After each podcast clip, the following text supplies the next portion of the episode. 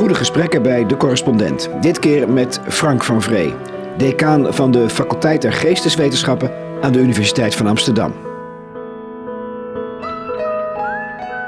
Frank van Vree, ehm, laat ik beginnen met eh, deze ironie eigenlijk.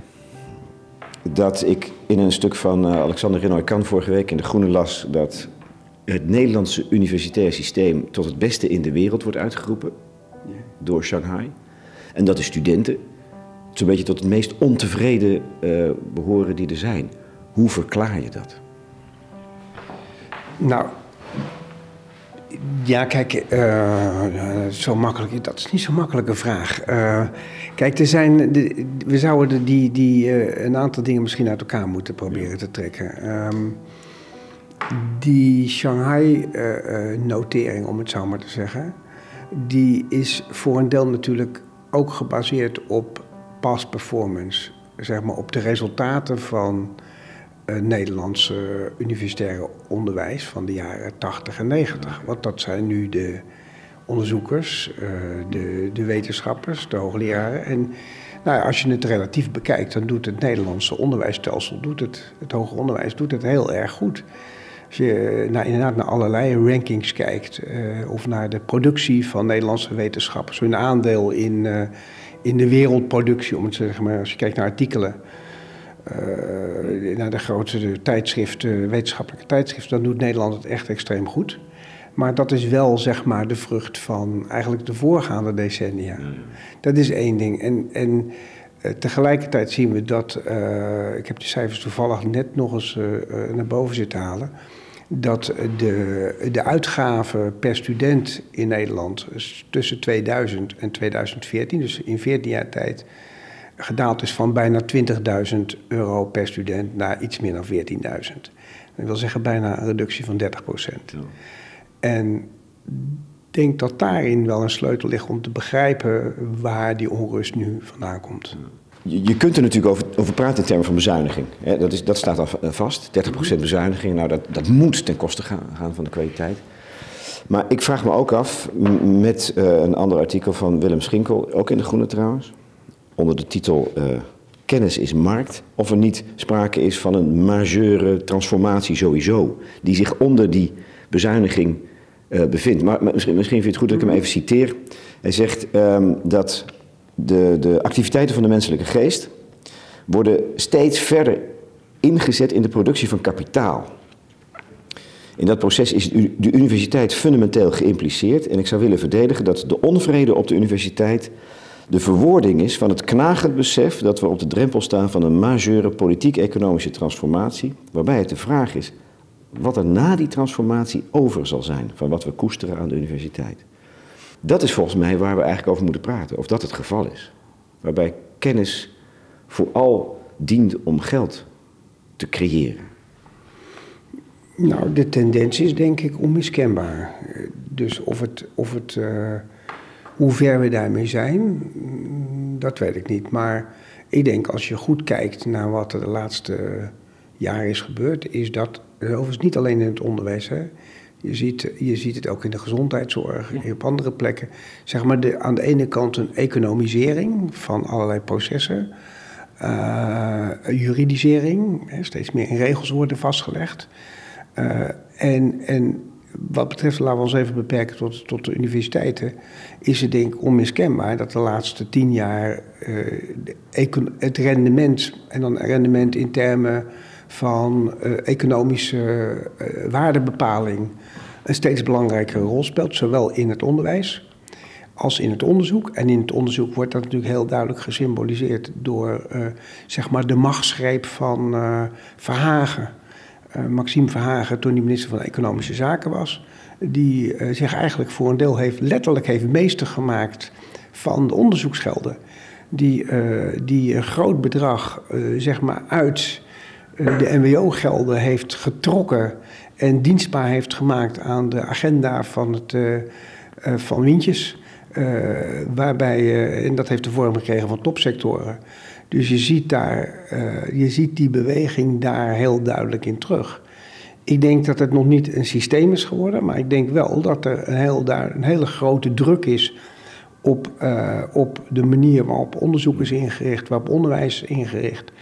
En nou ja, in die zin kun je zeggen wat er nu gebeurt, is daar ook wel degelijk een reactie, een reactie op. En hoe sta je daar dan als decaan van de faculteit van geesteswetenschappen tegenover? Nou ja, ik heb, ik heb nooit verhuld dat ik, eh, dat ik dat een hele onwenselijke ontwikkeling vind.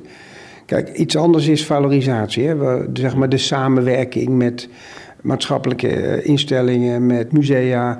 Kijk, eh, als ik me even beperk tot geesteswetenschappen. Positie even proberen duidelijk te maken. Kijk, geesteswetenschappen is, economisch nut is daarvan moeilijk aan te geven. Het is een wetenschap. Het zijn wetenschappen die gaan over zin en niet over nut. Maar die zin, die, die krijgt wel een vorm. Die krijgt vorm in de manier waarop geesteswetenschappers zich bewegen in een openbaar debat. Waarop ze meewerken met musea, met, in het onderwijs enzovoort. Uh, dus daar hebben we ook echt een maatschappelijke rol te vervullen, een maatschappelijke betekenis aan te geven aan ons bestaan. Sterker nog, ons bestaan is ook afhankelijk van of we erin slagen om die rol te spelen in de samenleving.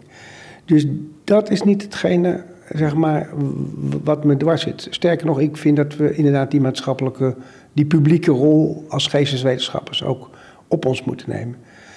Maar omdat we niet, inderdaad, niet een direct economisch nut hebben, behalve dat we mensen opleiden voor de arbeidsmarkt, uh, dreigen wij ook slachtoffer te worden van die beweging naar, of die economisering van de wetenschap. En dat zie je ook, want de budgetten voor zeg maar vrij onderzoek, voor wetenschap, zuiver wetenschappelijk onderzoek, die staan onder grote druk. Daar, er is geld van afgehaald. En uh, nou ja, waar mogelijk uh, dragen we dat, niet alleen ik, maar ook mijn collega-decanen, dragen dat ook uit. Dat wij, dat wij daar, ons daar grote zorgen over maken en dat we ons best doen om die tendens ook te keren. Kunnen jullie dat? Nou, dat is heel ingewikkeld. Omdat je, het, het krachtenspel is natuurlijk uh, is groot. En, en er zijn spelers die, zoals inderdaad uh, het bedrijfsleven, economische zaken... maar ook, ook binnen de wetenschap zijn natuurlijk krachten die, die wel degelijk deze kant uit willen gaan. Maar er is ook niet. Er is ook, de, de, de, het is een heel lang en taai gevecht. Maar ik, ik, en ik weet niet hoe succesvol we daarin zullen zijn. Je ziet dat er af en toe wel pogingen zijn om, om het proces te keren, of in ieder geval een dam op te werpen. Uh, ook vanuit de VSNU, de Academie van Wetenschappen. Robert Dijkgraaf heeft twee jaar geleden, drie jaar geleden nog eens een keer een mooie toespraak gehouden. waarin hij echt zich opwierp als de verdediger van wat hij noemt de zuivere wetenschap. Hè, van zeg maar het, uh, ja, het, het belangeloze, want dat is eigenlijk het belangeloze onderzoek. En hij heeft ook geprobeerd aan te tonen dat juist dat belangeloze onderzoek, dat dat het onderzoek vaak van de toekomst is. Want je kunt, je, kunt, uh, je kunt niet dingen sturen. Uh, je kunt niet de toekomst sturen.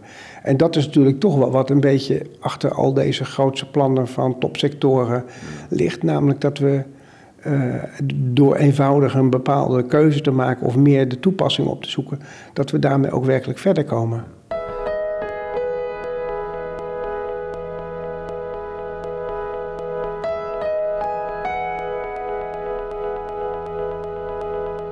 En dan is de vraag, wat te doen daarmee? Want nu, nou ja, nu is het maagdenhuis ontruimd. Maar ja, de ellende gaat alleen maar door. Het lijkt alleen maar sterker te worden. Dat is ook jouw, jouw ervaring nu. Nou, de ellende, ja, nou ja, goed, nou ja, het, protest, de, de, de, de onvrede, de, de, behoefte aan verandering? Nou, de, kijk, er zijn, ik denk dat het ook wel goed is om hier een paar dingen te onderscheiden. Kijk, want voor een deel de, waar het nu over gaat, de protesten gaan nu met name over de positie van het college van bestuur. Uh, maar uh, dat die vraagstukken moeten worden aangepakt, dat is ook.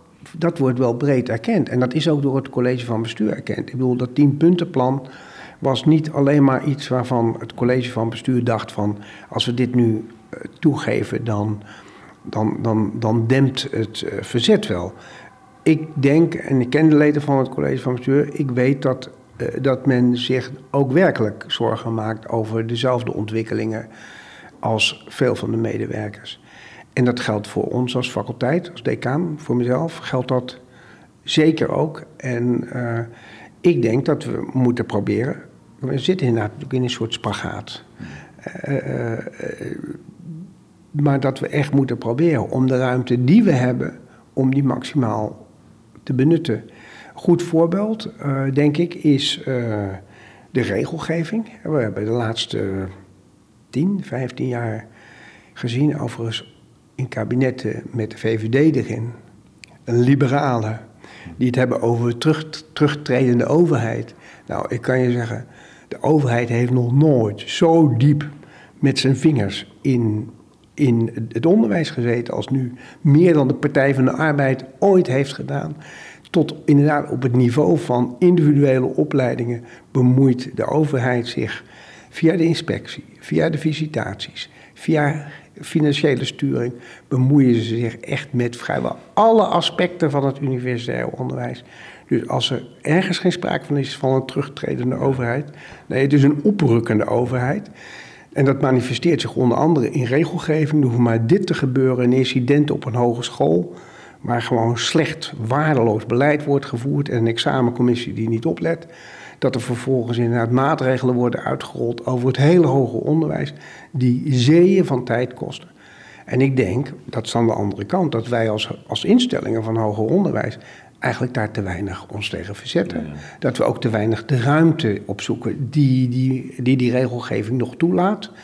Eh, maar dat we inderdaad heel braaf, als de braafste jongetjes en meisjes van de klas, dat we geprobeerd hebben die maatregelen uit te voeren. Dat hebben we allemaal. De VSNU, de universiteiten, maar ook uiteindelijk naar, hè, naar beneden toe. In, op alle punten hebben we inderdaad netjes voldaan aan de prestatie, prestatieafspraken, aan de regelgeving, aan de toetsdossiers, aan de nou, visitaties enzovoort. Heb je daar nu spijt van? Nou, ik denk dat we. Ja, heb ik er spijt van. Kijk, ik, ik zit er pas drie jaar op deze plek. Dus ik, je, hebt, je, hebt, ook een, een, ingrijpend reorganisatieplan voor deze faculteit, waar je decaan bent van uh, geesteswetenschappen. Heb je verdedigd, gepresenteerd in november, verdedigd. Eh, en dat was nodig vanwege de bezuinigingen. Dus je bent volledig meegegaan in het discours. Ja, maar dat, er eh, zijn twee dingen. Ja, er zijn altijd twee nee, nee, zijn, wat hier wel gewoon denk ik wel heel erg goed is om je uit elkaar te houden, is dat die financiële problemen die wij, uh, die wij, waar we mee te maken hebben als faculteit, uh, die hebben eigenlijk niet zoveel te maken met de problematiek die we net schetsten. Hmm.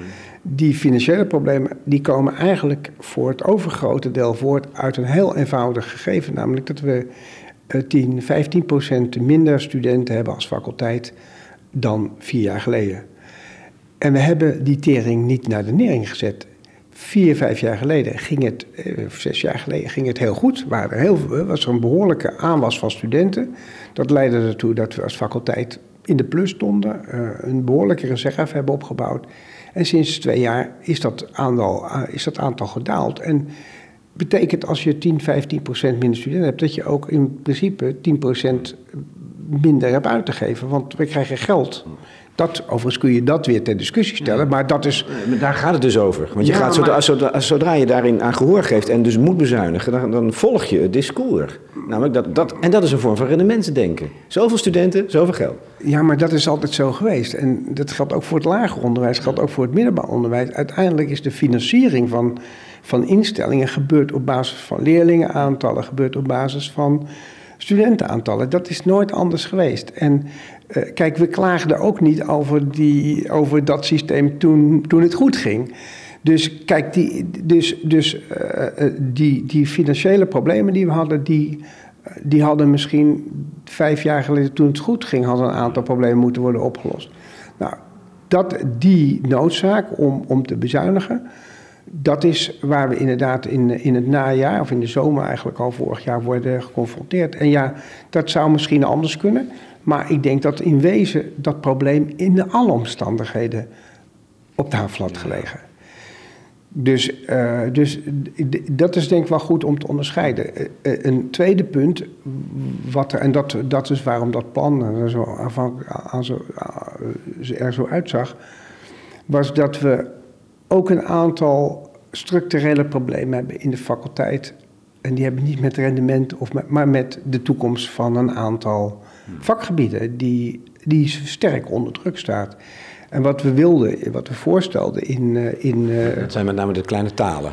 ja, het zijn met name nou niet alleen maar talen, maar een aantal kleine opleidingen. Kijk, we zijn een ontzettend ingewikkelde faculteit. We hebben 68 opleidingen. Dat is echt heel veel. En dan nog eh, vermenigvuldigd met een aantal programma's. Er zitten opleidingen bij die eigenlijk al 10, 15 jaar steeds minder en minder studenten trekken. En de vraag is, hoe lang kun je daarmee doorgaan?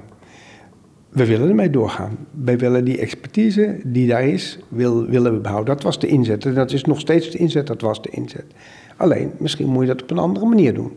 En we hebben toen een aantal plannen gelanceerd. Om een aantal scenario's uh, gepresenteerd om dat vorm te geven.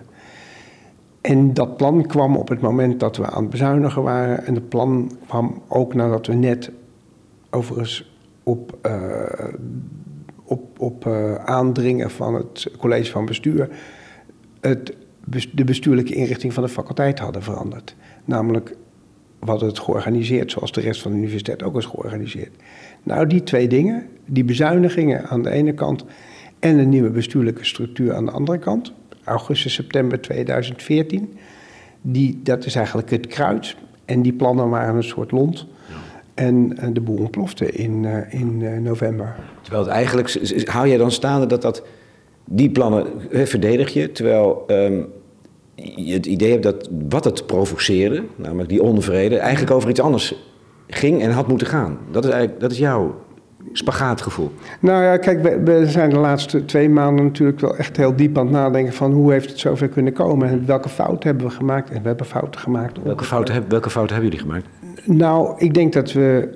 We hebben natuurlijk een aantal dingen niet goed gecommuniceerd, maar dat is een te makkelijk antwoord. Maar ik denk dat we onderschat hebben wat die bezuinigingen en die nieuwe bestuurlijke structuur, hoe die een soort fataal, als een soort giftige cocktail hebben gewerkt.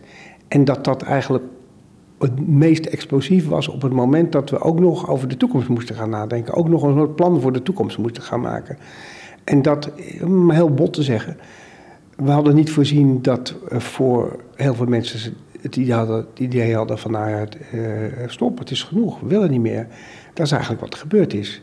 Terwijl iedereen ook wel erkent dat er iets moet gebeuren. Alleen, uh, nou, we hebben eigenlijk de, de, de crisis die er al was, hebben we niet voldoende onder ogen gezien. En dat je dus ook in zo'n crisis niet een ambitieus toekomstplan kan bediscussiëren. Maar dat is een, een, een maar goed, ik zeg ook aan de andere kant, we zijn ook amateurs. Iedereen wil dat we amateurs zijn. We willen geen beroepsbestuurders. Wij komen allemaal van de werkvloer. We hebben allemaal, wij zijn onderzoekers en we zijn docenten. En we zijn geroepen, vaak nog niet eens helemaal uit vrije wil, om die faculteit te leiden. Ja, en dan zie je dat je ook gewoon echt fouten maakt. En inderdaad niet genoeg in de gaten hebt wat er precies onder de oppervlakte speelt. En dat, je, dat we dus veel te veel tegelijkertijd, veel te veel tegelijk wilden. Ja, ja en dan ontstaan ook misverstanden. En bijvoorbeeld dat, dat, uh, dat er gesneden ging worden in de, in de filosofie, opleiding filosofie. Wat in Rotterdam natuurlijk ook gebeurd is. Hè? Uh, en daar, ik sprak Marlie Huijer en die zegt, die geeft er ook les. Nieuwe Denken des Vaderlands. Je kan eigenlijk geen tweede studie meer doen. Wat in Rotterdam veel studenten willen is filosofie. Dus dan, dan, dan hou je op met mensen te leren nadenken. Ja, en, en dat lijkt mij, en dat geldt ook voor, jou ongetwijfeld, dat lijkt mij echt verschrikkelijk. Als dat, als dat, het, als dat het idee is van een universiteit in Nederland.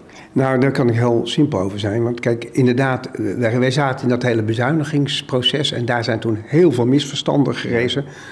Onder andere bij filosofie, vooral bij filosofie, bij geschiedenis. Het idee dat we dat echt de helft van de vakken zou gaan sneuvelen. Of dat de bijvakstudenten. Maar dat, is, dat was. We zaten midden aan het proces en we konden op een gegeven moment ook niet meer uitleggen. Hoe, hoe, hoe het werkte. En nu zijn we een paar maanden verder en inderdaad. Dat onderwijs wordt nog steeds allemaal gegeven. Er is inderdaad wel. Er wordt 5 à 10 procent minder onderwijs gegeven. Dat klopt, want we hebben 10 procent minder studenten. Maar de rest blijft allemaal bestaan. Want natuurlijk, eh, ik heb nou, laat ik, laat ik heel uh, helder zijn over dat standpunt dat je geen tweede studie meer zou kunnen doen. Want er zijn ook wel binnen de UvA en binnen andere plekken, universiteiten, ook binnen het ministerie zijn er dit soort ideeën dat studenten alleen nog maar zouden moeten studeren wat hun hoofdvak is. 180 punten voor de bachelor En dan 60 of 120 voor de master. En dan niet meer, dus niet meer bovenominaal studeren zoals het heet. Nou, als wij dat zouden gaan invoeren, dan ben ik morgen weg. Wanneer wij uh, studenten zich niet meer in de breedte of in de diepte zich kunnen laten ontwikkelen, dat zou voor mij echt het einde van het verhaal zijn. Want we weten allemaal dat al die mensen die hier uh, wetenschappelijk iets voorstellen in deze instelling, die hebben dat allemaal gedaan. Ze hebben allemaal één of anderhalf of anderhalf of twee studies gedaan. Ze hebben zich verbreed en daardoor zijn ze geworden die ze zijn. En als wij jongere generaties zouden verhinderen om inderdaad uh, uh, vakken bij andere opleidingen te volgen, om zich te verbreden, om verbanden te leggen, om interdisciplinair te werken, dan zouden we de term academische instelling helemaal niet meer verdienen.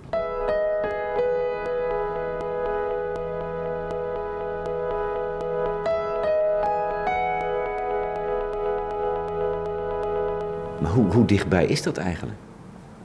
Nou, ik, als ik uh, om mij heen kijk, uh, ook op hoger bestuurlijk niveau, is dit niet een serieuze optie. Maar er moet er wel iets, gronden, er moet er iets ingrijpends gebeuren. Om die ontwikkeling, die sluipende ontwikkeling, hè, die onder nou ja, zo'n proces van bezuiniging, want dat begrijp ik wel, dat je dat moet onderscheiden, dat dat nodig was. Dat jullie daar het beste inrecht geweten dat gedaan hebben. Maar ondertussen is er een heel ander proces gaande. En hoe houden we dat staande? En hoe brengen we daar een kentering in? überhaupt kunnen we daar eens een keer goed over discussiëren? Nou, dat, dat is het lange termijn verhaal, hè, wat je bedoelt. Dus echt, eh, dat, dan, hebben we het echt over ontwikkelingen sinds de jaren 90. 95, 96 ongeveer. Nee, dat is waar. Nou, kijk, we hebben, wij gaan vandaag toevallig gaan we een, uh, proberen we de, de, draad weer op te pakken, want we hebben alles stilgelegd, vijf, zes weken. Wie zijn we nu? Het is faculteitsbestuur. Uh, in overleg met, uh, met alle raden, onder de medezeggenschap ook, en de afdelingsvoorzitters en de hele, eigenlijk met de hele bestuurlijke, hele, alle bestuurlijke groepen hebben we de zaak vijf, zes weken stilgelegd. Er zijn discussies gevoerd binnen de afdelingen, binnen opleidingen, waar ook de demonstranten, om het maar, de, de demonstrerende groepen, Rethink, Humanities Rally aan hebben deelgenomen. Wat we nu gaan presenteren vandaag is een uh, punten agenda. En daar zitten inderdaad ook dit soort vragen in. Wat kunnen wij als faculteit doen om een aantal dingen te keren, om grenzen, dammen op te werpen. Onder andere op het punt van uh, die hele kwestie van tijdelijk personeel, maar ook regelgeving. Uh, hoe kunnen we onze kwaliteit bewaken zonder, zonder een eindeloze hoeveelheid regels te, in te voeren. Nou, dat wat wij binnen ons, binnen ons eigen domein kunnen doen. Gaan we serieus onderzoeken wat we daar kunnen doen. Heb jij ideeën erover, dromen, wat, wat je zou kunnen doen? Heb je daar helemaal geen tijd meer voor gehad? Ja, de laatste tijd eh, ging het over andere dingen natuurlijk. Maar... Nou, kijk, uh, ja, maar dan gaat het over. Uh, dan, dan heb je het al heel snel over, uh, over hele concrete ja, zaken. Nou, dat vind ik altijd wel prettig. Nou, ja, kijk, maar dit, dit zeg ik niet als decaan, maar gewoon als persoon. want, want, want het zijn toch echt wel twee verschillende dingen? Nou, dat zijn wel twee verschillende dingen. Nou, hoewel ik dan wel zou willen, som, dat ik wel zou willen onderzoeken om, of, het, of het haalbaar is. Kijk, die, die, neem de kwaliteitsbewaking, de regelgeving. Nou, dat, heeft, dat is een van de concrete aanleidingen voor, ook voor veel verzet. Hè. De, er zijn door, door de universiteiten en het ministerie zijn de prestatieafspraken gemaakt. En die hebben geleid tot allerlei afspraken over de uitval in de opleidingen, over het aantal contacturen. Ik zou kunnen zeggen, waar bemoeit het ministerie zich mee? Om 14 verplichte contacturen in het eerste jaar in te stellen. Uh, dus het wordt op de werkvloer soms gevoeld als ophokuren. Bij filosofie zeggen ze van ja, maar het gaat toch niet alleen om contacturen. Het gaat ook over dat studenten in bepaalde periodes ook gewoon echt kunnen lezen en kunnen studeren. Dus, nou, goed, dus laat het aan het oordeel van de opleiding over. Nou, dat is één ding, maar ook bijvoorbeeld de kwaliteitscontrole, de inspectie, de visitatie, die inderdaad leidt tot allerlei regelgeving. Nou is dat aan de ene kant wel begrijpelijk. Dat we transparant zijn, dat we ons kunnen verantwoorden, dat we echt kunnen beargumenteren waarom een student een, een voldoende krijgt of een bepaald cijfer krijgt voor een scriptie. Dat is allemaal heel begrijpelijk. Maar je kunt dat gieten in de vorm van allerlei regels en, en voorschriften waarin dan die opleidingen allemaal moeten voldoen. Dat is ook gebeurd de laatste jaren. Overal. Hetzelfde als in de gezondheidszorg. En daar wordt ook geklaagd over. Die huisarts die zegt: de helft van onze tijd is het invullen van formuleren. Nou, zo erg is dan in het onderwijs nog niet, maar we gaan wel die kant op. Nou, je zou het ook kunnen, anders kunnen doen. Je zou ook uh, kunnen zeggen, oké, we gaan helemaal geen regels stellen, helemaal geen voorschriften maken. Maar een opleiding die zich daarvoor aanmeldt, regel het maar zelf. Bedenk maar zelf hoe je kwaliteit wil organiseren. Over drie jaar komen we terug. We gaan wel een beetje zo onder de, onder de radar eh, het wel een beetje in de gaten houden met de monitorgroep of met, via de opleidingscommissies van de studenten. Maar over drie jaar komen we terug en dan halen we je door de mangel. Maar als het dan niet goed is, dan gaat, maar dan leg je dus, dan keer je het om. Dan leg, je, dan, dan leg je het van controle en regelgeving naar verantwoording. En daarom zou ik er ook voor zijn om het gewoon, misschien moeten we het bij als experiment gaan doen. Inderdaad, meld je maar aan als opleiding. Wij gaan dit zelf regelen. We nemen het heft in eigen handen. Wij durven dat wel aan. Ik denk dat het ook stimulerend werkt. Maar goed, weet je, dat moeten we ook kijken of dat kan. Of het ook kan, of we daarmee niet conflicten krijgen met het ministerie bijvoorbeeld. Of met, eh, met, eh, met, het, met de NVO, het Nederlands-Vlaamse accreditatieorgaan. Maar ik vind dat we dit soort wegen actiever moeten gaan uh, onderzoeken.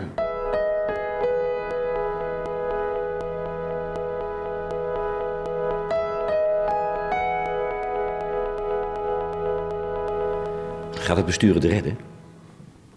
Het college van bestuur of het faculteitsbestuur? Nee, het college van bestuur.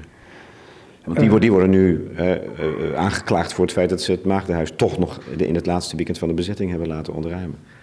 Ja, volgens mij gaat het nog niet eens zozeer over de ontruiming van het Maagdenhuis, maar gaat het over uh, ook het niet, dat kwestie van dat festival, dat dat niet door kon gaan. ik weet het niet wat de uitkomst zal zijn. Ik, ik vind het wel heel jammer dat het zo gelopen is. Ja. En ja, ik denk dat, dat we. Nou, ik denk dat het. Ik ben, vind het jammer omdat we, ik het idee had dat we. dat uiteindelijk de rust redelijk. Uh, of niet de rust, maar dat er een vertrouwensbasis was om, om met z'n allen verder te gaan. er, waar, er lag een akkoord op tafel. er was denk ik ook ja, het gevoel van was, alle wantrouwen was niet weg, maar wel het gevoel van we kunnen weer stappen zetten. En door alles wat er in het weekend gebeurd is, lijkt het een beetje alsof we weer terug zijn bij af. Maar dat zal de komende weken moeten blijken. Maar ik vind het wel uh, jammer dat het. Uh, en, maar wat had er, wie, wiens fout is dat dan? Nou ja, kijk, ik weet niet precies wat de overwegingen allemaal zijn geweest om dit uh, op die manier te doen.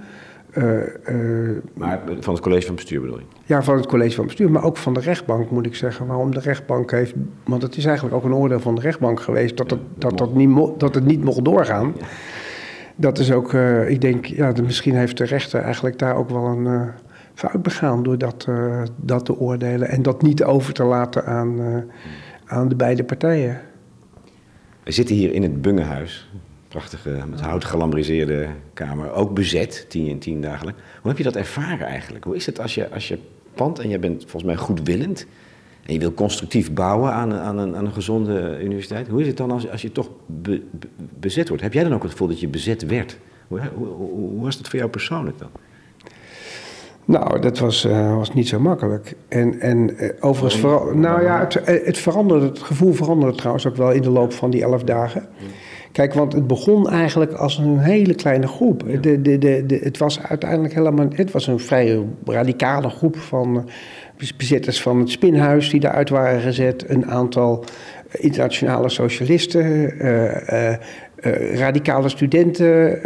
Maar de ochtend dat het bezet werd, toen, toen hoorde dat s morgens vroeg. Ik hoorde dat s morgens vroeg en ik ben gelijk gaan bellen met de studentenraad. Met, en die bleek allemaal voor niks te weten. Dus het, was, het begon als een. Overigens is dat wel typisch voor alle revolutie, revolutionaire processen. Het begint met een kleine groep waarvan je denkt van nou ja, die is tamelijk geïsoleerd. En die kwamen ook met enorme eisen. Waarvan, we, waarvan je dacht van ja, maar dit, dit, dit kunnen wij allemaal. Wij kunnen dit niet allemaal regelen, want het gaat over, ook over de wereld. En uh, dus die eerste dagen was het, uh, dat eerste die vrijdag. We hebben, toen ook, we hebben toen ook al gesproken met de bezetters. Nou, dat was redelijk, uh, was weinig beweging aan allebei de kanten. We hebben heel veel ons ingespannen, ook met de voorzitter van de studentenraad, om het gesprek op gang te brengen. Nou, daar ga ik allemaal niet op terugkomen, maar uh, uiteindelijk bleek in die week daarna dat er omheen een hele beweging ontstond, die uiteindelijk ook uitgegroeid is tot, tot inderdaad uh, wat het nu is. En uh, ja, uiteindelijk leek het ook steeds minder over ons te gaan, over de faculteit. En steeds meer over al die andere dingen. En de universiteit. Over de universiteit, over Universiteit Nederland, over de academie in zijn algemeenheid. En dat, ja, dus ik heb dat niet zozeer als een hmm. persoonlijke, uh, persoonlijke, persoonlijke aanval uh, gezien. Maar je vond het wel moeilijk. Nou, het is natuurlijk heel erg moeilijk, omdat je als bestuurder heb je natuurlijk ook andere verantwoordelijkheid om het, om het voorbeeld, om dat heel concreet aan te geven. Er zaten hier bezetters in het uh, bunghuis, maar er zitten hier ook mensen die onderzoek doen. En die waren heel erg boos. Die zagen hun onderzoek, wat, eh, wat een bepaald tijdpad volgt, het beroemde babylab-onderzoek. Uh, dus niet iedereen stond daar ook hetzelfde in. En als decaan ben je niet alleen verantwoordelijk, ben je verantwoordelijk voor alle mensen en voor alle personeelsleden. De bezetters bijvoorbeeld zeiden, ja, maar mensen kunnen best werken hier. Ja, hoezo als, ik ben als decaan verantwoordelijk voor de veiligheid van mensen. Als er wat gebeurt, ik bedoel, dan, is het, dan zal de wereld te klein zijn. Dus wij, zijn, wij hebben verantwoordelijkheid voor iedereen. Nou, dat maakt het heel erg ingewikkeld. Betekent ook dat je steeds moet zorgen dat niet om iedereen te vriend te houden, want dat kan toch niet, maar wel de belangen van al die studenten en al die medewerkers in de gaten te houden. En daar zijn we ook wel redelijk in geslaagd. Er is niet één college uitgevallen in die, omdat mensen zich uit de naad hebben gewerkt om dat allemaal door te laten gaan. Nou, dat beschrijft eigenlijk precies de moeilijke positie waar je in zit. Het maakt het heel zwaar. Aan de ene kant heb je verantwoordelijkheid voor uh, in deze faculteit 7000 studenten en 1400 medewerkers. Maar je wilt tegelijkertijd niet doof zijn en blind zijn voor mensen die in, ja, die standpunten naar voren brengen op, op een uh, niet-orthodoxe manier, laat ik het zo. Nou, dat betekent ook schipperen, maar ook proberen om wel te blijven luisteren. Maar niet alleen naar één kant, maar naar alle kanten.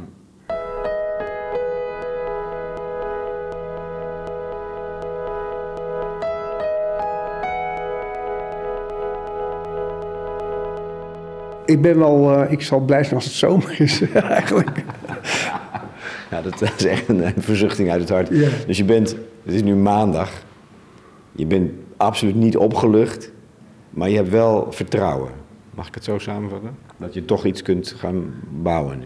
Nou ja, kijk, wij hebben de laatste weken hebben we eh, veel met mensen gesproken. We hebben, we hebben mensen, mensen hebben gediscussieerd. En ik heb het idee dat wij met, ook met de groeperingen die, die inderdaad dit protest dragen, zoals Rethink en Humanity Israeli, hebben om de tafel gezeten. En ik denk dat we, we binnen de faculteit wel stappen kunnen zetten. Het zal nog steeds niet makkelijk zijn, met name dat hele bezuinigingsverhaal, dat ligt er nog. Maar op, al die, op andere punten zie je ook wel dat dingen worden opgepakt. Ik, een van de meest hoopgevende tekens is dat mensen van de talenopleidingen zelf aan de slag zijn, zelf aan het nadenken zijn hoe ze verder kunnen, hoe ze hun opleiding kunnen vernieuwen. En ik denk dat er hele mooie plannen uitkomen. Dus er zijn absoluut wel tekenen dat er, eh, dat er wel weer een positieve beweging in zit. En eigenlijk is de grote vraag, krijgen we die kans of worden we door de ontwikkelingen erbuiten weer gemangeld? Dat is eigenlijk wat deze week, komende weken, weer spannend maakt. En, en, welke krachten zouden dat dan zijn van buiten die, het, die dat proces, dat broze proces in de weg kunnen zitten? Nou ja, kijk, je, je kijkt die, die, wat er nu gebeurt uh, en het conflict tussen uh, het college van bestuur en, en, en de protestbewegingen, waarin wanneer daar, en daar lijkt het nu op, weer een hele nieuwe dynamiek in ontstaat en ook nieuwe mensen uh, zich daarachter scharen. Ja, dan dat raakt zo direct aan wat je zelf, wat je als faculteit wil dat, uh, dat is natuurlijk wat we de laatste weken hebben gemerkt. Dat, je, dat, je, ja, dat het dan heel moeilijk is om in rust verstandig met elkaar te kunnen blijven praten. Over, ook, als, ook als hebben heel veel van die kwesties in de eerste plaats betrekking op onze eigen werkvloer en niet op het universitair niveau. Maar het gaat elke keer helemaal door elkaar lopen.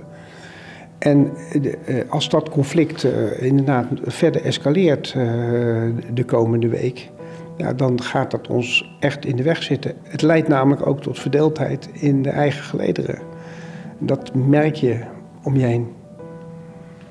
Potentiële splijtswam. waar je dan maar in moet blijven zien te zitten en stand te houden. Dan wens ik je veel succes en dank je wel. Graag gedaan.